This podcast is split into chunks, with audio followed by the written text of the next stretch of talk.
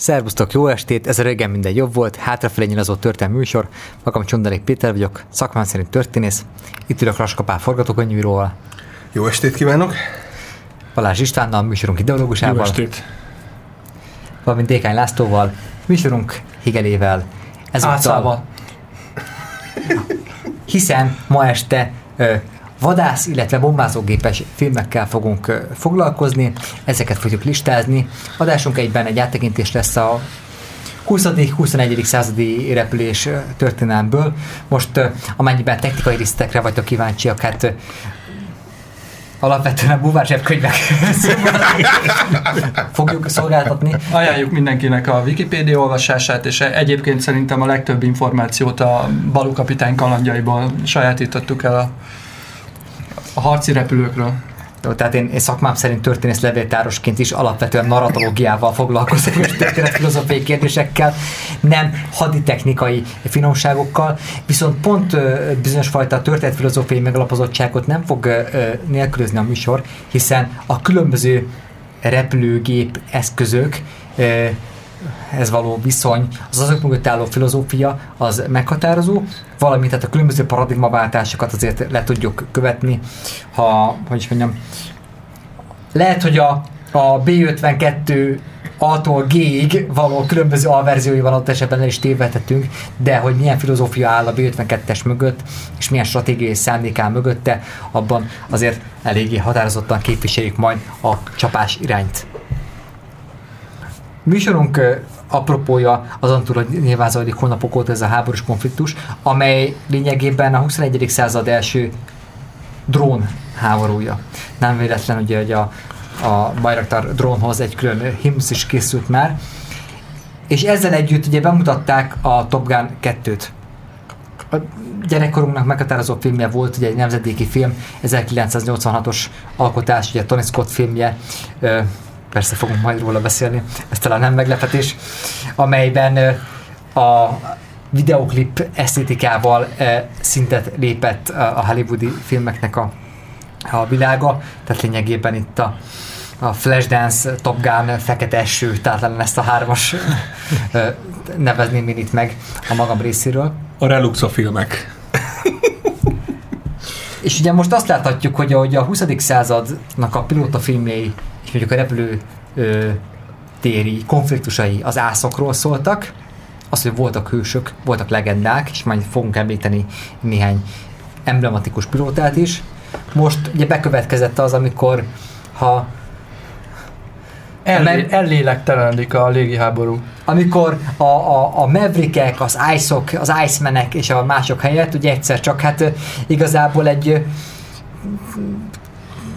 egy konténerben ülő, ö, ö, ö, nem tudom én, túlsúlyos IT is, is nyújtja azt teljesítményt, egy joystick a kezében. Hát egy ilyen hivatalnok, hivatalnok kinézetű fickó jut a államban reggel, reggel besétál, a kis kézitáskájával leül, és akkor ilyen mindenféle műhold felvételek, és élő egyenes, élő Igen, egyenes tehát a közösségi adásban. szellemiségnek kifejezetten rosszat tesz az, hogy, hogy az emberi tényező az gyakorlatilag ki lesz vonva ebből a közegből, de hát nyilván ennek azért megvannak a pozitív azt szerintem nem véletlen, is. hogy, hogy dró, dróháborúról még nem nagyon láttunk filmeket. Tehát, hogy ne, nem, nem ezekből az IT-sokból lesznek. Hát az, elmúlt pár hónap alatt nehéz is lett volna. Hát azért próbálkoztam. De... Maga, maga, az, maga az eszköz azért nem, nem ennyire új. Ö, igen, és egyébként van ugye a ö, Gavin Hood ö, rendezte szem 2016-os film, ami gyakorlatilag pont egy ilyen úgymond kortárs katonai beavatkozást mutat, amikor egy a brit hírszerzés által Afrikában megtalált terrorista, akit viszont csak amerikai eszközökkel lehet leszedni, és ezért gyakorlatilag a nato belül egy teljes ö, ilyen brit-amerikai, afrikai hármas közös akciót kell megvalósítani. Ugye Ellen Rickman utolsó filmje volt, és gyakorlatilag már ez is előrevetítette, hogy ez gyakorlatilag egy csapatmunka, és már az egyéni teljesítményeknek ö, háttérbe szorultak. És ez azért érdekes, mert az első világháború volt az első ugye modern industriális konfliktus, az anyagháború, ahol mondjuk a Szomi csatában 1916. július 1-től novemberig ugye másfél millióan meghaltak, miközben 10 kilométert mozdult a csatatér, kimutatható az, hogy minden méter előre haladásáért ugye 100 ember halt egyébként meg. A hősöknek nem volt hely az első világháborúban, részben ennek kompenzálásaként hozzák létre a hősi halotti kultuszt, hogy utólag próbálják, meg, próbálják értelmet adni valaminek, aminek ugye nem volt abszolút értelme, még csak ugye ideológikusan sem egyébként. És egy olyan ö, tömegháború volt, ahol ugye milliós hadseregek csaptak egyébként össze egy értelmetlen lövészárok harcban. Na most az első világháború volt az, ami kitermelt az új típusú hősöket, és ugye pilóták lettek az új hősök.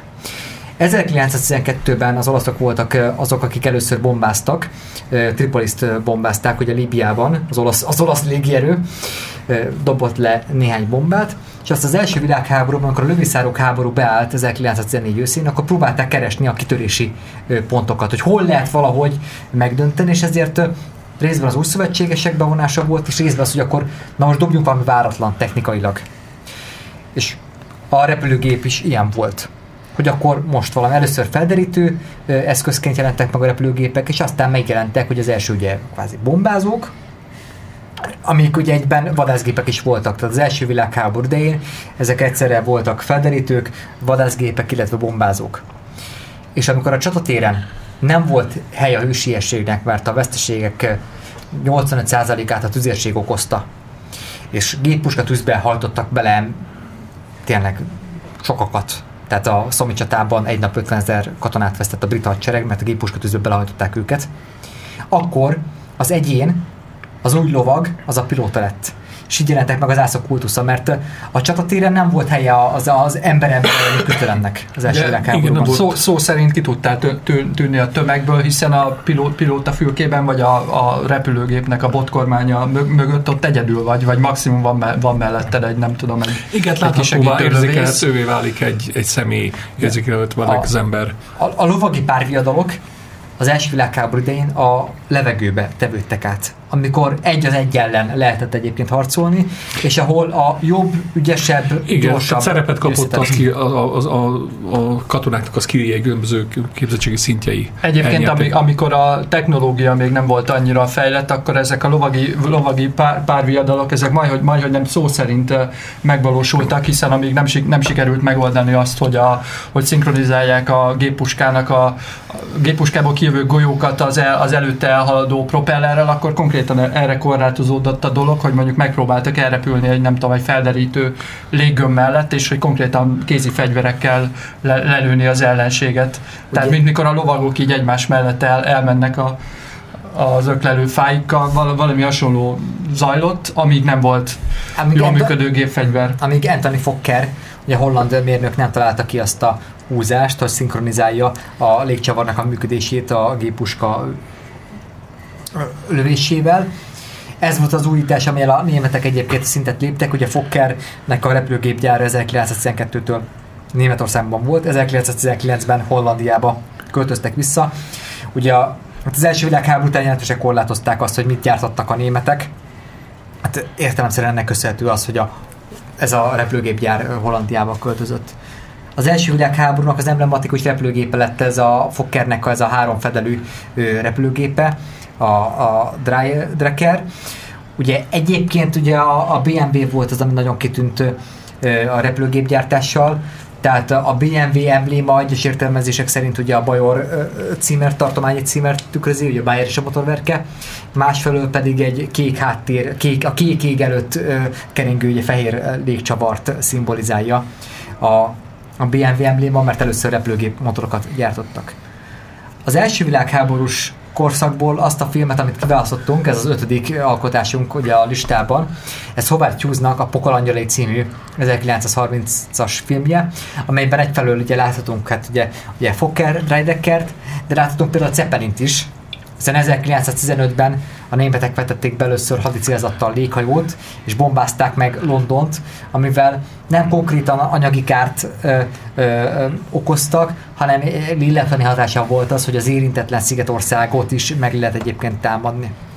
Na most milyen ez a film, az a Pokol angyalai, amelyet Hollywood egyik különce gyártott le. Önmagában arról érdemes beszélni, hogy ki volt Howard Hughes, akiről Martin Scorsese egy életrajzi filmet is szentelt. Nos hát Hughes viszonylag fiatal, egy outsiderként érkezett Hollywoodba 18, mindez 18 évesen, tehát az édesapjának a fúrófej gyártó örökségéből szerezte a pénzét, és úgy döntötte, hogy ő hollywoodi producer lesz. Ő próbálkozott is a Arábiai Éjszakák című filmnek társproducerként, ami, ami aztán viszonylag szép sikert aratott.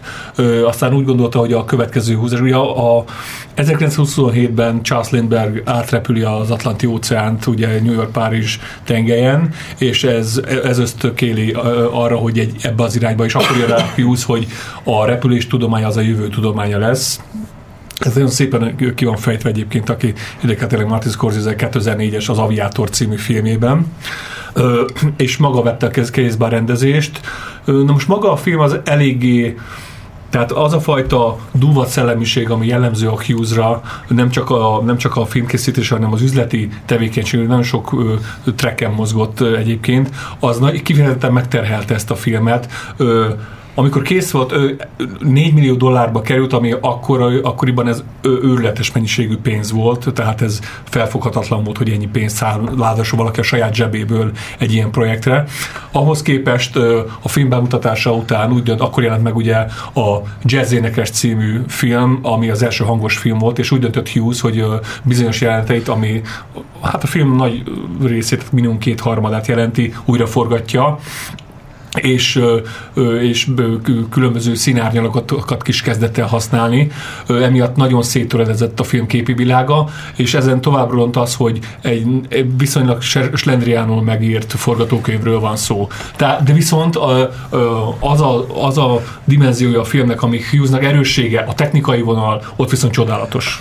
Én, megkockáztatom egyébként, hogy nyilván mai, mai szemmel meg, megmosolyogtató, de nem annyira megmosolyogtató, mint, mint régebbi filmek. Tehát, hogy ez, Persze. ez, ez az éjszakai bombázás a Persze. kékes fényekkel, tehát, hogy az Igen. lá, látszik, hogy ez, ez, Igen, ez ö, akkor egy ilyen, Igen, ebben volt tehát, ötlet. tehát ez, ez ugye még akár dramaturgiai szerepet is tudunk tulajdonítani ennek ezeknek a színválasztásoknak, amit most mondtál, de, de, de a, annyi sok váltás van a filmben, hogy teljesen szétesik. Ugye, De nem egy, nem egy rossz film, de nem is egy különösebben jó. Ugye, kicsit ugye ez a Hughes, ez mi, mi Standard József a magyar futballban, vagy, vagy tehát amikor van valami vállalkozó, akinek vannak sikerei, Ö. és, és, ő, és ő akkor így berúgja az ajtót, és De- akkor ő most mindenkinél okosabb, és mindenkinél mindent jobban Ugye tud. az Egyesült Államokban óriási tiszteletnek ez a, ez a típus, ez az úgynevezett the builder személyiség, aki jön és épít, és általában ezek a magánszektorból, ugye ezt úgy hívják, hogy ez a magánkezdeményezések irányából érkezik. Tehát az, hogy a különböző stúdiórendszer, vagy a európai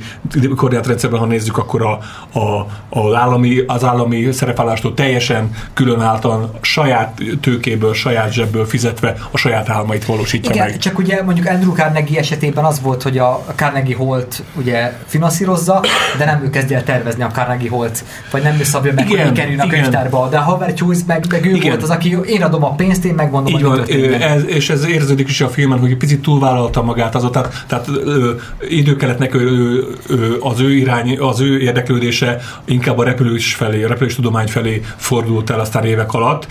Aztán már csak egy marginálisan vett részt aztán olyan filmeknek a produceri, produceri teendőiben, mint amiket leginkább Howard Hawks-szal rendeztetett meg, ugye Sepphelyes arcú és a többi.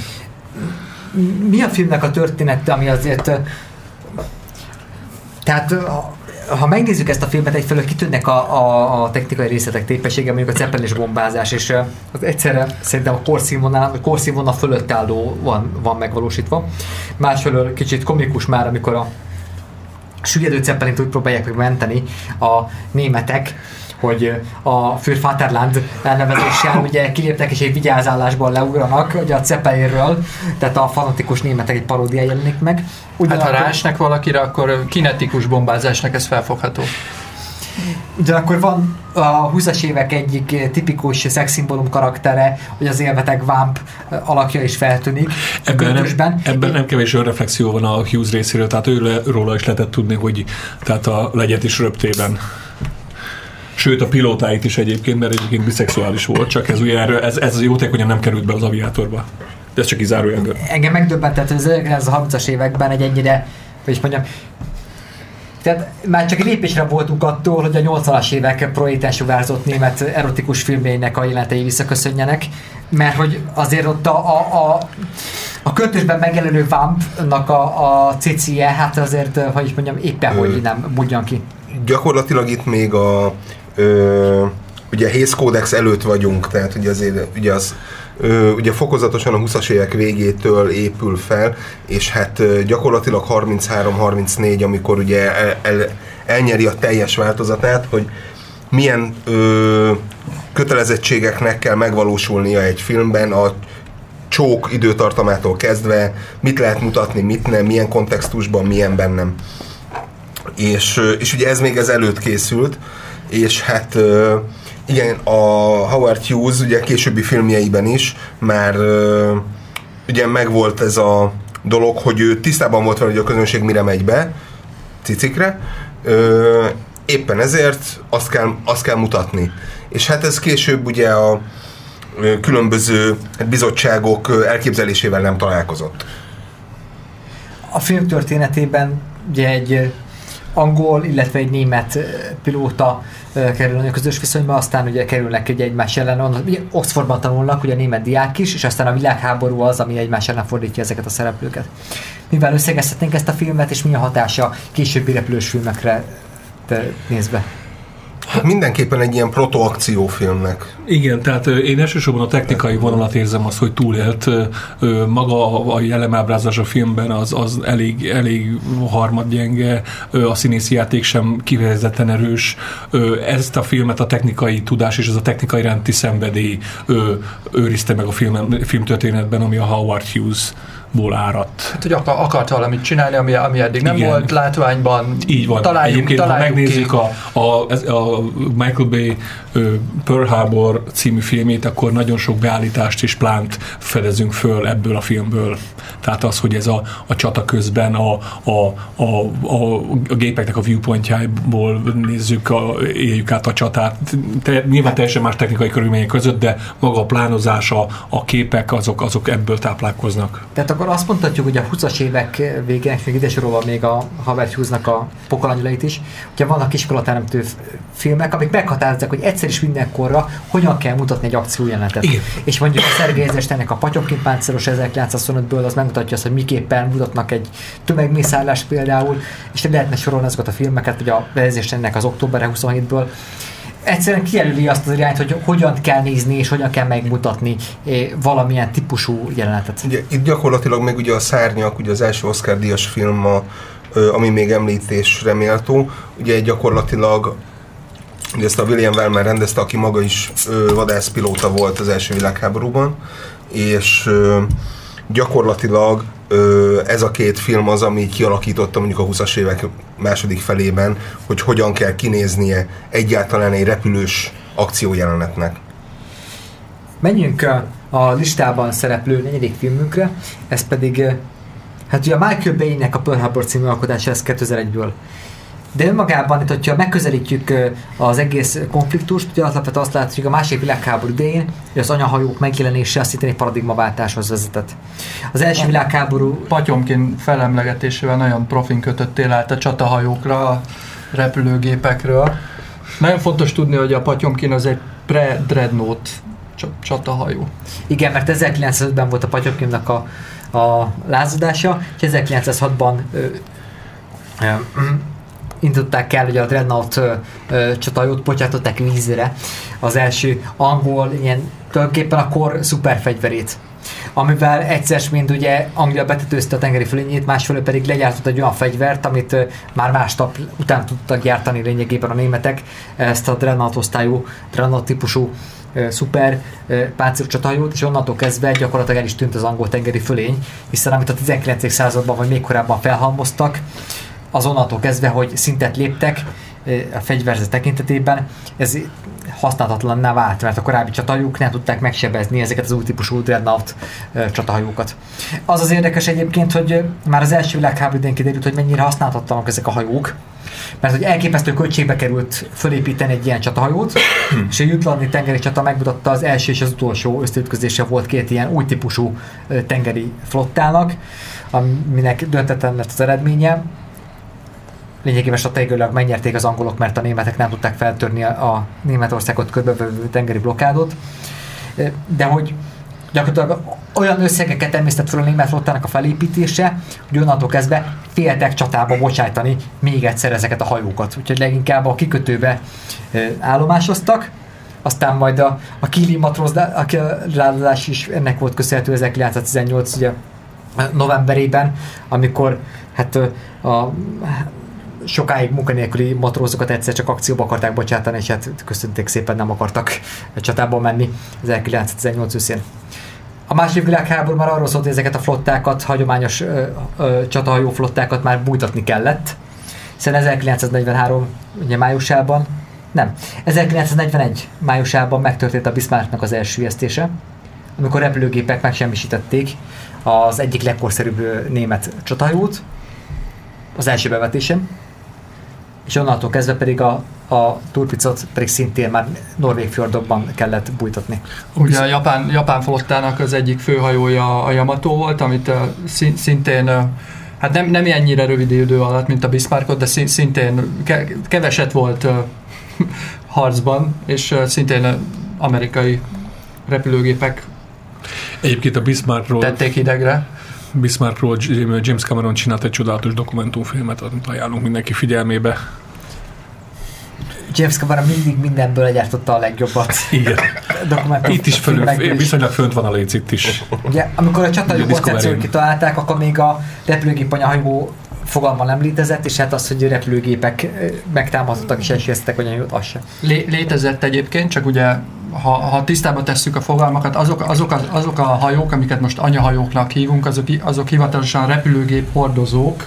Az anyahajók sokkal régebben voltak, csak jellemzően ezek, ezek hidroplánok felszállását és leszállását segítették. Ha, ha jól fogalmazok, Pál. Igen, köszönöm szépen. Zrínyi Miklós Katonai Akadémiáról, ami a Nemzetvédelmi Egyetem.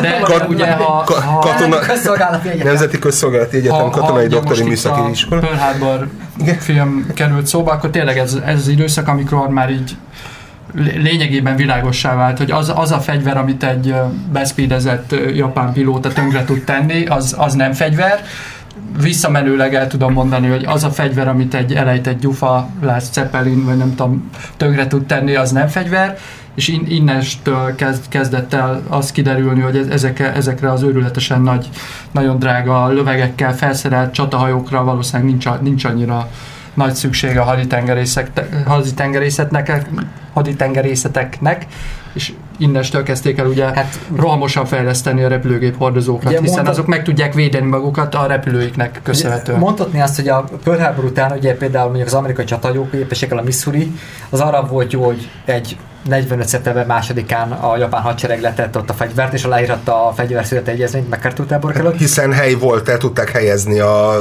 delegációkat. Ez, ez nem volt gond. Kettő, az Uszarőd című film elkészítésére alkalmas volt, de már ott is a terroristák csak a Tomahawk rakétákat akarták elrabolni, ugye a Missouri csatahajóról. Volt, volt rajta elegendő hely, ahol Erika ellenjek ki tudott bújni egy tortából. Na most ugye a Pearl Harbor 2001-ben azért nem előzmények nélküli, ugye korábban már elkészült a Tora Tora Tora című film, ami egy amerikai-japán koprodukció, amely amerikai és japán szempontból mutatja meg azt, hogy mi történt Pearl Harboron 1941. december 7-én. Párhuzamosan és egyenlő szinten. Igen, tehát a... egyfajta ugye oldandó a, a török bizonyos nemzetiségi feszültségeket, ami ugye Pearl Harbor okán az Egyesült Államokban kialakult a japánokkal szemben. Na most a Michael Bay filmje, a Pearl Harbor, a szakít minden ilyen ö, hagyományjal, tehát ez a kifejezetten harcias hangvételű, ellenségkereső és ellenség megnevező filmről beszélünk. Magának az akciónak az oka az volt, hogy a, a a Franklin Delano Rooseveltnek a kormányzata a gazdasági embargót vetett ki Japánra. Hát Japán ásványkicsekben egy elég szegény. Onnantól kezdve gyakorlatilag fél évre legendő kőolaj és más gumi volt, amivel tudta volna biztosítani a saját maga katonai erőfeszítéseit, amik arra irányultak, hogy megteremtsék a, a nagy közös ázsiai jóléti területeknek elnevezett, hát lényegében japán gyarmat birodalmatól a közös jóléti területek nevében, hát készen munkára kényszerítették volna a csendes óceániai szigeteknek alakult. Hát, ugye a japánoknak volt a jólét, a többieknek meg a terület.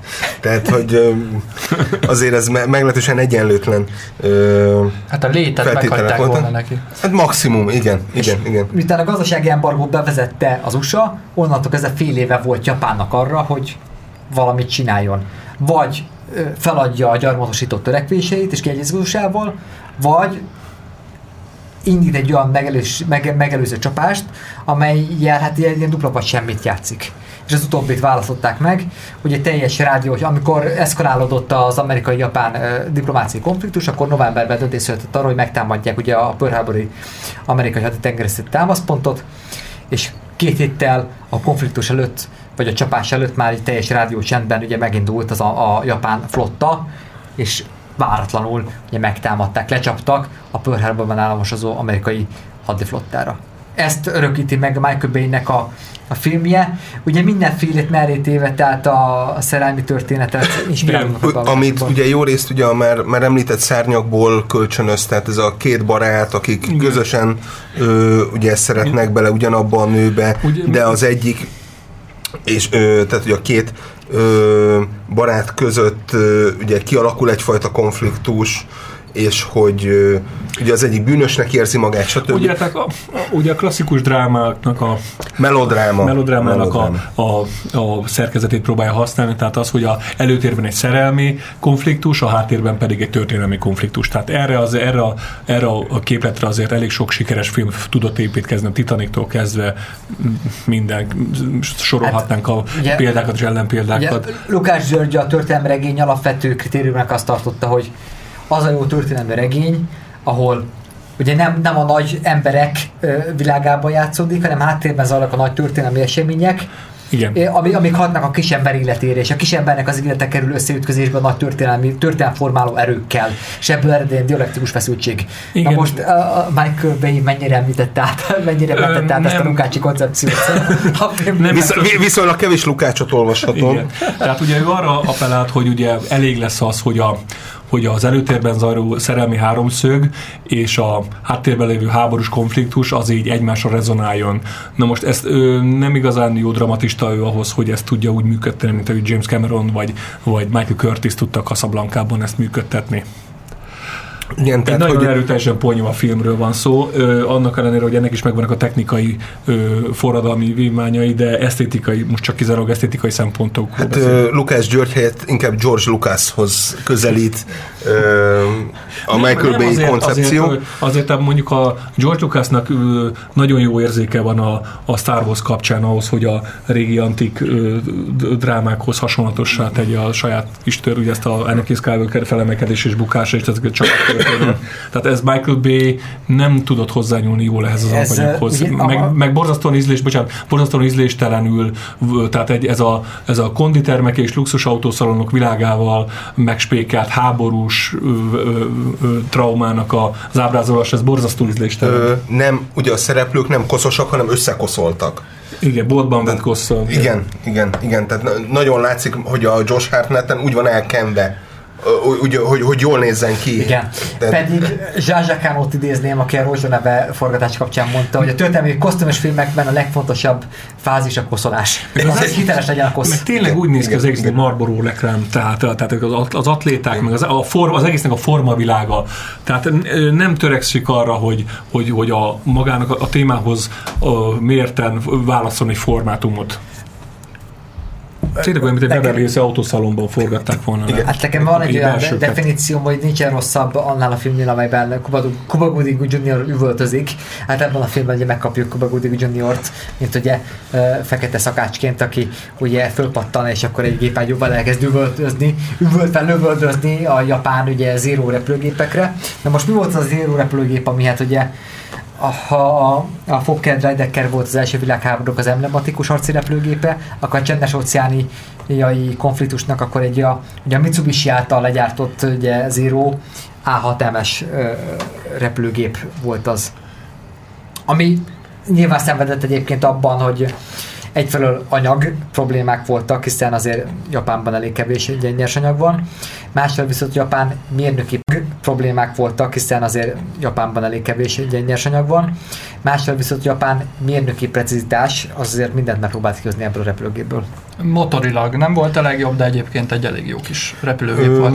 igen, tehát hogy ö, ugye könnyű volt, manőverezhető volt, és ö, és igen, tehát hogy ugye nagyon sok helyen ugye fával helyettesítették ugye a könnyű fémet, ami már ugye a második világháború, illetve az előtt gyártott repülőgépeknél ugye általánossá vált. Úgyhogy és hát ugye a kapacitás problémák, tehát hogy nagyon ö, jól hangzik ez a kamikáze mentalitás, csak tényleg egyszerűen nem tudtak elég gépet gyártani ahhoz, hogy akkor azt egy ember alá adják, és akkor onnantól kezdve ő majd ö, fel fogja robbantani ugye a géppel együtt az egész ö, mm, célzott területet. Kamikaze lett volna elég, csak repülőgép nem volt. Mindegy. Igen, igen, igen, valószínű, hogy itt, itt, itt És nem, talán nem, a... működ, nem működött a szovjet modell, hogyha valaki elesik, akkor vedd fel a fegyverét, mert hogyha ha a pilóta elesik, akkor nem tudod felvenni a repülőgépet. gépét. Így van, így van. És hát különösen ugye a csendes óceáni harctéren így nehéz lett volna ugye egy 6-7 ezer méterről ki, kihalászni a lesüllyedt gépeket. Úgyhogy Úgyhogy igen, ez ö, egyfajta ilyen villámháborús megoldásra, mint amilyen ugye a Pearl Harbor-i támadás volt, arra, arra tökéletesen alkalmas volt, viszont tényleg ezt a hosszas, kitartó harcot m, egyszerűen m, anyaggal, anyaggal nem bírták. ugye nem volt átütő erejű ez a világháború siker. Nyilván egy fél, év, fél évet nyertek, egyébként egy újabb fél évet nyertek a japánok, kiépítették egy aranybirodalmukat, de aztán azt ö, folyamatosan visszatették az amerikaiak. Erről a Polika Történeti Intézet másik világháborús filmtörténeti sorozatában kapcsolatos ugye vonatkozó adásokat ajánljuk, ahol végigvesszük a világháborúnak a történetet. Menjünk a harmadik helyzetünkhöz. Megérkezünk ezzel most az európai hadszintérre, ugye nyugati frontra, a Memphis Belle című 1990-es film kapcsán, ahol ugye a B-17-es repülőerődökkel fogunk most foglalkozni. Meg kell, hogy mondjam, hogy magam részéről dologon, de lehet, hogy az ország nagy részében ennek a filmnek biztos komoly kultusza lehet, mert Rajongói klubok alakultak. mert 1995-ben az első kódolatlan HBO hétvégén ezt a filmet vetítették először péntek délután, mert tavaszi szünetnek az első napja volt. Aznap este 10-kor a New Jack City-t vetítették, tehát tisztán emlékszem a HBO programra. Én, ugye én, én ezt még gyerekként láttam a mozi forgalmazásban. Ugye 1990-es filmről van szó. Amit nem Ö, 91-ben 91-ben lehetett mutatták be, igen. Na most valószínűleg, mivel nem egy kiemelkedően jó filmről van szó, valószínűleg, a, bár nem mintha ez olyan sokat jelentene itt a, magyar pia- piacon, valószínűleg annak köszönhető a kultus státuszát, vagy az ismertségét, hogy ez volt az első ilyen legálisan bemutatott, elérhető ilyen repülős film, hogy egy ilyen, ilyen mezei zsánert fogalmazzunk meg. Nem nagyon tudok más okát ennek, hogy, hogy, hogy ezt ennyire, vagy pedig biztos jó az értékesítését úgy adták meg, hogy olcsón tudták minden ilyen filmcsomagba hozzácsapni, és akkor ez nagy látványos repülős film, ezt, e- egy, egy, ezt be lehet mutatni mondjuk egy hétvégén, este, péntek, szombaton, bármelyik nap. Nem, nem De is, ez már csak spekuláció Szerintem nem is azért választottuk be a filmet, mert hogy ez egy jó film lenne, hanem, hanem a lé, légiharc története szempont, csak ezt szempontjából egy, egy, újabb, filo, egy újabb filozófiát hoz be most a, a beszélgetésünkbe, tehát hogy korábban itt ugye beszélgettünk arról, hogy, hogy pilóták, az új, az új hősök a, a légiharcban, itt viszont egy ilyen, lényegében egy ilyen csapatmunkát figyelhetünk meg, hogy a, a cél felé tartó és oda bombákat szállító repülőgépet ugye lényegében ugye meg kell védeniük a mindenféle lövegtornyokban álló katonáknak, akik, akik így lőnek kifelé, ami, a minden irányból vadászok röpködnek, hogy megállítsák őket az útjukban. Ez, ez egy ilyen új... És akkor megint egy picit ilyen Star Wars reminiscenciák Igen, egy, igen egyébként, tehát, hogy te lemész a toronyba, én felmegyek a toronyba, beállítjuk azt a négyzetrácsot, és akkor ott a, ott a TIE Fighter-öket ki tudjuk lőni egyébként. Tökéletes a párhuzam ugye, ugye mikor beszél, beszélgettünk, hogy le, lehet, hogy a, ebből, a, ebből egy ilyen hosszabb műsor folyam lesz, még hogyha nem csak, ha nem csak repülős, hanem esetleg tankos, és majd még tenger alatt járós filmeket is ki tudunk ilyen minőségben listázni, akkor, akkor én már így előre felállítottam egy ilyen, egy ilyen mini, mini listát magamnak, hogy a, nagyon rossz halálok a háborúban, benégni egy, benégni egy tankban, elsüllyedni egy tengeralattjáróban, de a, a Memphis Bell egyik jelenete is ide, ide kívánkozik, amikor a, ugye van, van ez a Ball Turret nevű cucc, tehát ez, a, ez egy ilyen a repülőgép alján mozgó gömb, gömb alakú gépfegyver állás, ahonnan így lefelé lehet véd, védeni a bombázót, és ebben a filmben van, amikor így kilövik az ember segge alól lesz az egész szerkezetet, és így a lényegében csak a biztonsági öv tartja, nem tudom, 4000 méteren. Nem akarsz így meghalni. Ugye a Memphis Bell története szerint egy ilyen B-17-es repülőerő, de a 25. akciója sikeres küldetésre után ugye nyugdíjba vonulhat, és a legénységet hozzángetették, és hát a Memphis Bandnek a legénysége az, amely 24 akciós sikeret teljesített, ezért nyilván hatalmas propaganda akció kísérletében ők majd hazamehetnek. Ugye a Life magazin már előre elkészíti ugye a cikksorozatot róluk, lefotózza a legénységet. Mert, a mert általában ugye a legutolsó bevetést ezt egy ilyen kvázi ilyen ételszállítás, ilyen jellegű dolgoknak, hogy, hogy legalább a 25 az legyen nyugodt, legyen rendben. Csak sajnos előfordul az, hogy a aznap vagy a megelőző akcióból az egyik repülőgép nem tér vissza, úgyhogy ki kell egészíteni magát azt a köteléket, amely eh, Brémába indul, hogy ott lebombázni nagyon fontos repülőgépgyárat. Hát ugye nagyon védik egyébként Brémát, annyit hangzik a filmben, hogy mekkora, milyen mennyiségű légvédelmi löveggel van felszerelve, ráadásul ugye nappal küldik ezeket a repülőerődőket bombázni, hiszen ugye éjszaka a város elcsötítésével ugye ki lehetne védeni a precíziós bombázás, hova tovább ugye a, a, a repülőgépgyár, a brémai repülőgépgyár ugye iskolával, kórházal és mindennel körbe van véve. Tehát védett. Iskolával védett. Vé, igen, igen. És ugye ez a filmben egy komoly konfliktusként hangzik el, ugye Billy Zane az, aki hát a 90-es évek legendás Billy Zane, aki a Lopakodók című filművel jutott a szakmai csúcsra. Aztán... ki, volt, ki volt a 2000-es évek legendás Billy Zane-je? Ki, kik a gumiasztal brazéljai? Hát ugye ez a kora 90-es évek, akkor Matthew Bodin, Billy Zane, csupa olyan sztár volt, akikről már nem is emlékezhetünk, de maguk idejében ők voltak azok, akik így úgy tűnt, hogy majdnem sztárok.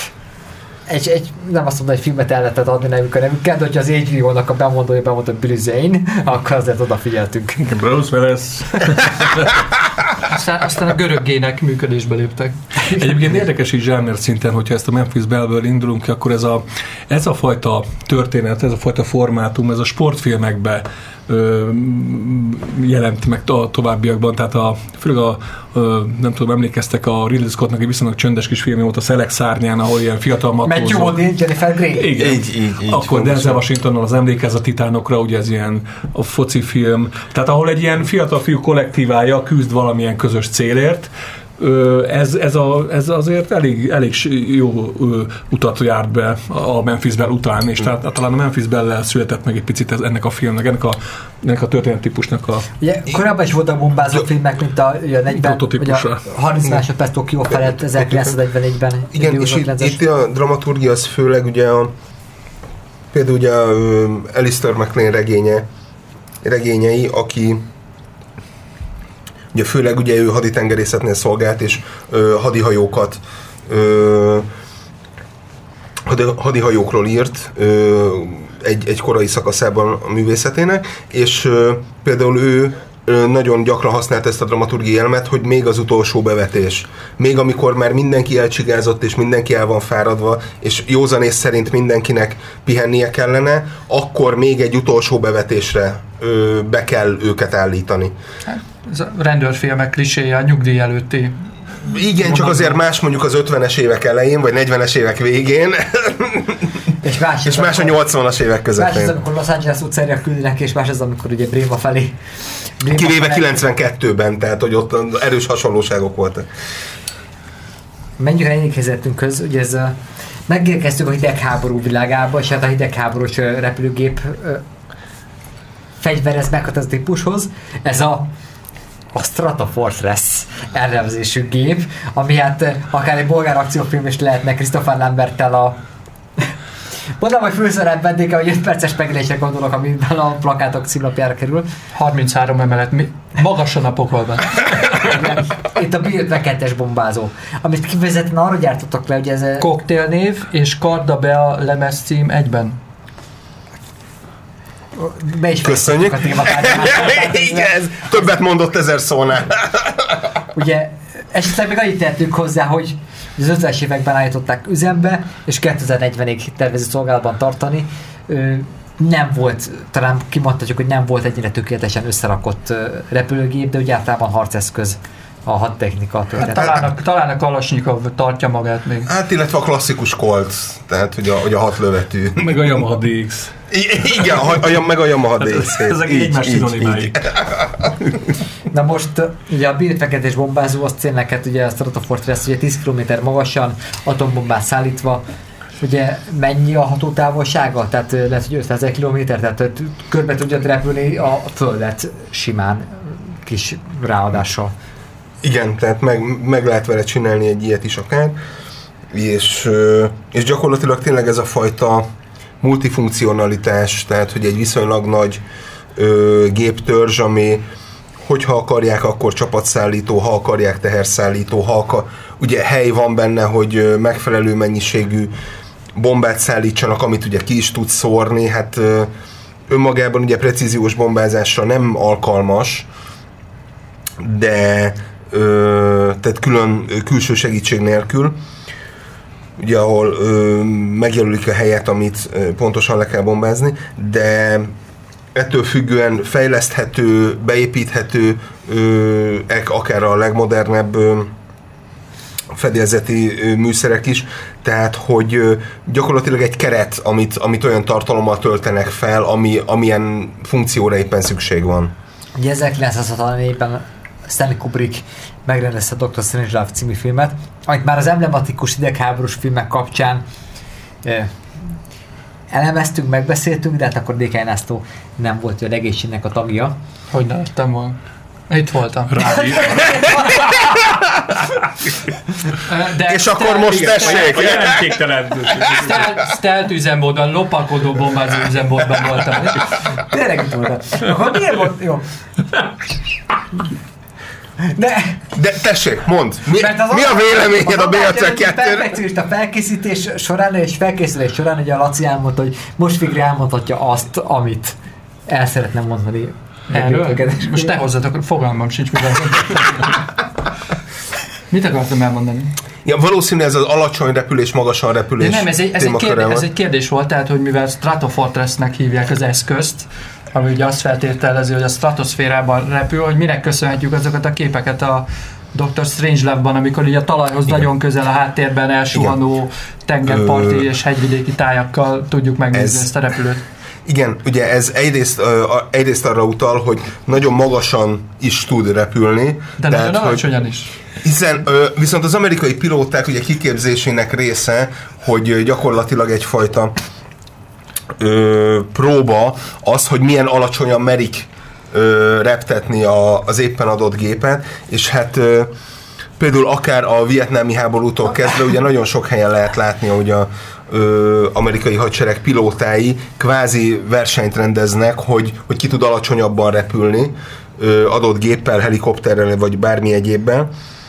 Vagy az is lehet, hogy csak simán vizuális okai voltak az, hogy szer- szerette volna Ö, a külsőt, nyilván, nyil, nyilván az is. suhan Nyilván az is benne van, de, De- de általában a standard, hogy például egy NATO hadgyakorlaton, ahol a brit-francia gépek normál, ideális repülési magasságon repülnek, az amerikaiak mindig, nem tudom, 10 méterrel a föld felett. Mert az úgy cool és menő. Ez olyan lesz ez a hidegháborús műsor, mint a Woodstock. Hiá- Hiába, hiába állítom, hogy ott voltam, senki nem fogja elhinni. Gyönyörű végszót adtam a Tom, Tom Hanks filmre. Még emlékszem, a, nem tudom, a lelőtt fiatalok vonatból kinézek, lelövik őket Berlinben, vonatból kinézek, lelövik őket. Nem lövik le őket Brooklynban, miközben átmásznak egy kerítésen. Én- Kedves nézőket, Nem, én- hallgatók, szóljatok Én be, már, amit már, konkrétan emlékszem, hogy a 13 nap című Roger Donaldson film kapcsán milyen levezetéseid voltak. Úgyhogy, Felállok, kimegyek. Hát, na, de akkor röviden foglaljuk össze, hogy mi a Dr. Strange a lényege? Miről szól a történet? Hát egy gyakorlatilag egy elképzelt világháború köz, világháború közeli helyzet ugye a 60-as évek elején, ami hát fájóan ö, valódi eseményeken alapul. Gyak- gyakorlatilag egyébként arról szól, amit majd a tengeralattjárós filmeknél ki, ki, fogunk, e- ki fogunk mondani, hogy a világ urai, az Amerikai Egyesült Államok elnöke, az Oro- Oroszország elnöke, vagy a Szovjetunió elnöke, és egy, Pár, pártitkára. és, és, egy, ten- és egy tengeralattjáró parancsnoka, itt most egy B-52-es parancsnok Ugye- az, aki a vég, végén a Maga a, történet, válik. maga a történet arra, arra gondolatra épül, hogy a bizonytalan kezekbe kiszervezett nukleáris erő óriási veszélyeket rejt, de aztán a történet olyan szépen van fölépítve, hogy rájövünk a film végére, hogy ha a, a, a, a, bizony, a, a kevésbé bizonytalannak hit központi kezekbe helyezzük a irányítást, akkor sem vagyunk nagyobb biztonságban. Sőt, biz, ha biztos kezedbe szervezzük ki, akkor sem. Tehát Igen, erre a gondolatom az egész történet fölépítve, és Ugye a Stanley Kubrick filmnek egy közös sajátossága, hogy valamilyen úton módon vagy az őrület, vagy egy komputer meghibásodása, vagy valami, az mindig előbb-utóbb egy ilyen önpusztító folyamathoz vezet. meg az, hogy ezek a Nem. biztosnak itt rendszerek mennyire képlékenyek és mennyire sebezhetőek. Ugye a film... Pont maga a hadsereg, ami ugye Igen, ami- később mondjuk az acéllövedékben is megvan, hogy egy maga egy nagyon monolit szervezet, amin belül nem le, nincs játéktér, az csak egyféle mód- módon tud Igen. működni. Ugye a film... Igen, mert hogy ugye, ugye a végén az történik, hogy hiá, hiába s- sikerül végül minden problémát el, elhárítani, még mindig előfordult ez az eset, hogy ott van egy texasi pilóta, aki kirobbantja a, a harmadik Igen. világháborút. Ja, az, hogy, hogy minél, minél magasabbra van állítva a hőfok ezekben a rendszerekben, annál könnyebb az esélye ennek is, annál nagyobb az esélye annak, hogy egyszer csak elpattan valami. Tehát minél, minél inkább gerjesztett a hidegháborús feszültség, annál inkább, annál hamarabb történik meg az, hogy egyszer csak valaki bekattan. Ugye a brétveketeseket egy olyan szituációra fejlesztették egy olyan helyzetben, amikor még nem léteztek ugye a nukleáris, tehát nem léteztek a rakéták, tehát ugye a nagy hatótávolságú rakéták, amelyek atombombákat tudnak ugye átreptetni egyik kontinensre a másikra, ezért kellettek ezek a szuper stratofortressek, amelyek ugye 10 km magasságban repülve el tudják szállítani a bombát, és le tudják egyébként dobni, és hát ugye nyilván nem szükséges, hogy a precíziós legyen, ez meg tök mindegy, hogy melyik válaszra dobják le, mert térségeket rombolnak le. Ugye a történet szerint pont azért, hogy biztosítva legyen egy ilyen csapásmérés, ezért alsóbb szintekre is delegálják azt a jogosultságot, hogy valaki egy nukleáris csapásmérő egységet igen, el tudja küldeni, hogy ezzel elretettő. És fonák módon a túlbiztosítás az, ami sérülékenyé tesz egy rendszert. Tehát Hiszen van egy olyan katonatiszt, van egy olyan parancsnok, akinek meggyőződése azt, hogy a kommunisták ugye a fluorizálással sterilizálják az amerikaiakat, ezért ő csak vodkát iszik, hogy a, hogy a csapvízzel nem érgezik őt meg ott a komcsik. De most a mértéktelen vodka fogyasztás következtében és a paranoia következtében, hát ez a parancsnok hát végül elindít egy csapásmérő egységet, de utolsó parancsként kiadja azt, hogy bármiféle visszahívó parancsot kapnak, ne egyenek neki, mert az is kommunista trükk. Úgyhogy elindul 20 valány B-52-es bombázó a Szovjetunió felé.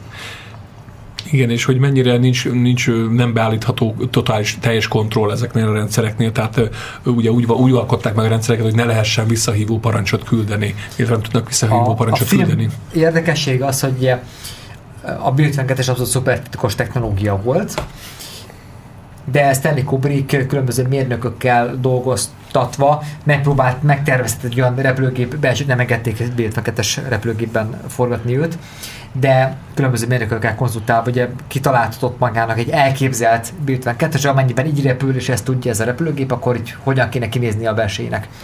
És olyan tökéletesen legyártatta, olyan tökéletesen elképzelték, hogy a fejét diász, hogy az oroszlán mancsából megszoborta az egész oroszlánt, hogy az amerikai hadsereg lényegében ugye, Vagy ahogy Verne. Verne Gyula a, a holdutazást, ahogy leírta. Tehát vannak ilyen képességű emberek, hogy ezeket tökéletesen... Vizionárius. Vizionáriusok, így.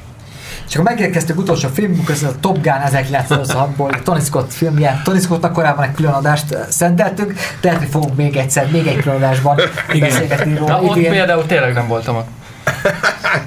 Akkor tessék. Akkor lesz még idén Tony Scott adásunk. Remélhetőleg ugye augusztusban lesz tíz év, hogy meghalt, úgyhogy mindenképpen szeretnék majd megemlékezni még egyszer róla. Valamilyen formában. Na most Top Gun, hát már beszéltünk róla, hogy a Flashdance volt a, volt a Star Pistols a videoklip esztétikának, szerintem a Fekete Eső a csúcsa, ugye Ridley Scott filmje, és 1980-ban a Top Gun, hát egy két órás videoklip.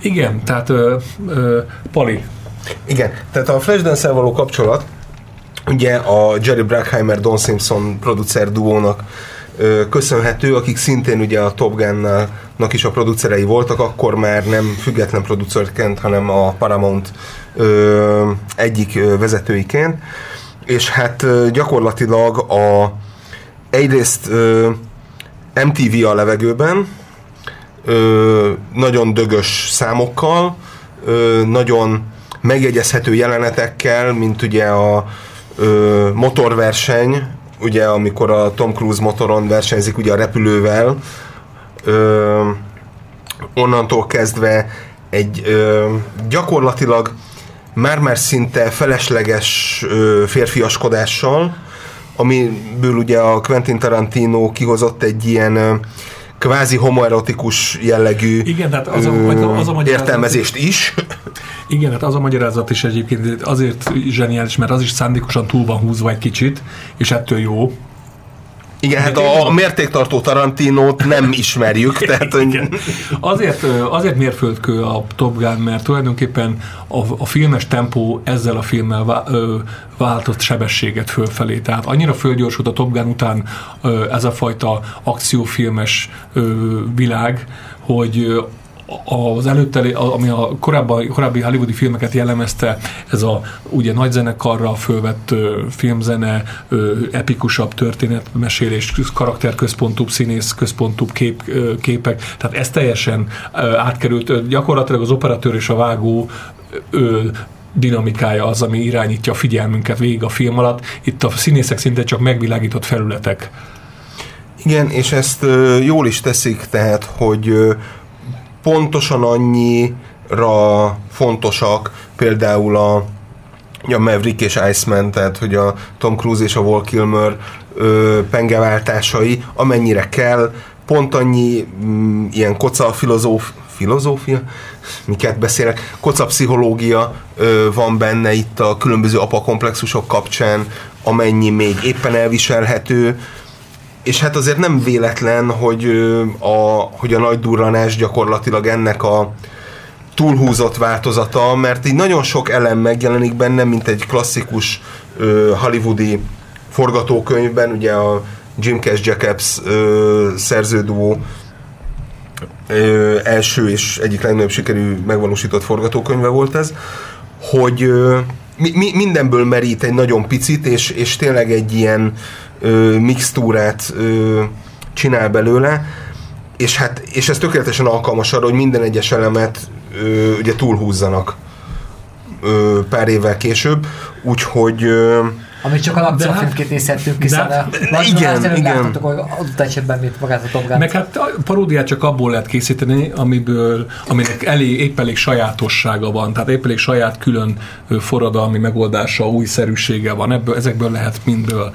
Igen. Tehát ami, ami látványosan különbözik a megel, az őt megelőző egy, hullámoktól. igen, egyrészt ugye az a fajta csapatmunka, ö, ugye az itt jelenik meg, egy, egy ilyen nagyon ö, speciális akciófilm, ugye hát hát azért ez nem egy mondjuk Stallone vagy Schwarzenegger típusú akciófilm, ami, ami mondjuk a 80-as évek közepén annyira jellemző volt, hanem azt mondta, hogy itt ez egy ö, csapat, egy banda, egy, egy iskola gyakorlatilag, egy ilyen nagyon speciális iskola, ahol jobbnak lehet lenni, lehet tanulni a többiektől, az oktatóktól is, és hogy ugye hát Tom Cruise karrierje során nem először, de sokadjára játsza ezt a nagyon ambiciózus ö, embert, akinek úgy különösebb képessége nincs, annyi tanulni képes, fejlődni képes, és ö, Ez egy igazi amerikai szituáció, és amerikai helyzet. igen, igen, igen.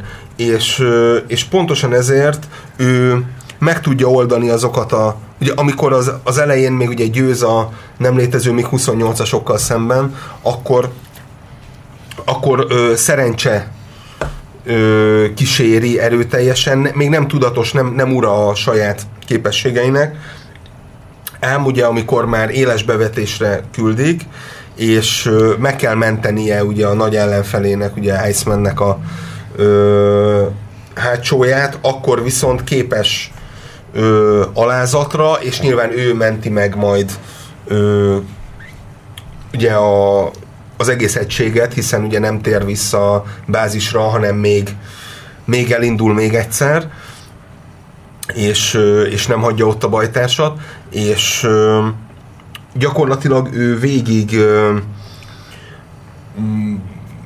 fókuszált, és, és abszolút egy ilyen kisfiús ö, sztár státuszban van végig. Meg hát a történet szerint ugye, és ez nagyon, nagyon jól ki, van találva, hogy a, megint egy olyan struktúrának a hiányosságait egészíti ki a Tom Cruise a maga vagányságával, a maga merészségével, a maga vakmerőségével, ami, amik nélküle, amik enélkül nem működnének.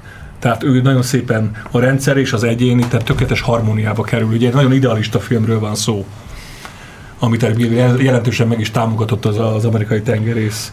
Abszolút, az, az gyakorlatilag mindent, mindent vitt annak idején, tehát hogy a, a, a Rében napszemüvegek eladásától kezdve Egy, a... Igen, hát egy, egy nemzedék tanult meg napszemüvegben rágózni. Igen, Na, a, napremüveg, napszemüvegben strandröplabbdázni. Igen, a, a Playing with the Boys című dalra. igen. és, és hogy gyakorlatilag a, ugye a legnagyobb siker volt ugye a haditengerészetnél, mindenki oda akart jelentkezni, repülősök akartak lenni, folyamatosan ez, ez az egyik legnagyobb siker volt ugye az együttműködéssel, ami Értet, Hollywood és... fehér egyenruhák. Ah, De, gyönyörű fehér egyenruhák. Igen. Ez igen. a tengeri zsarokságra jellemző módon. Ugye itt F-14-es tomketekkel repülnek egyébként, ugye az ellenfelek azok a képzelt nem létező még 28-asok, mert van még 27, meg 29. igen. Itt az F-5-ösök alakítják a még 28-asokat. Ez egy visszatérő kettő probléma lesz majd a különböző egyéb ugye sorozatunkban, hogy most miképpen lehet alakítani az ellenfélnek az éppen aktuális csúcs technikáját, amit amúgy nem lehetne megszerezni.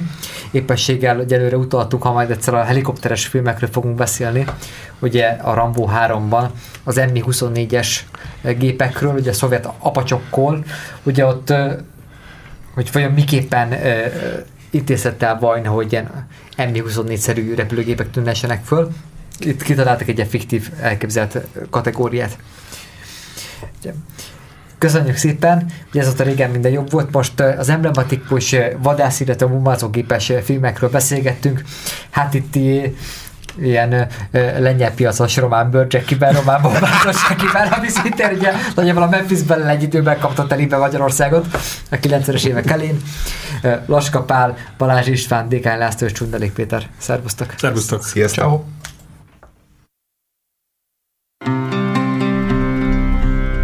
A Tilos Rádió hírei következnek.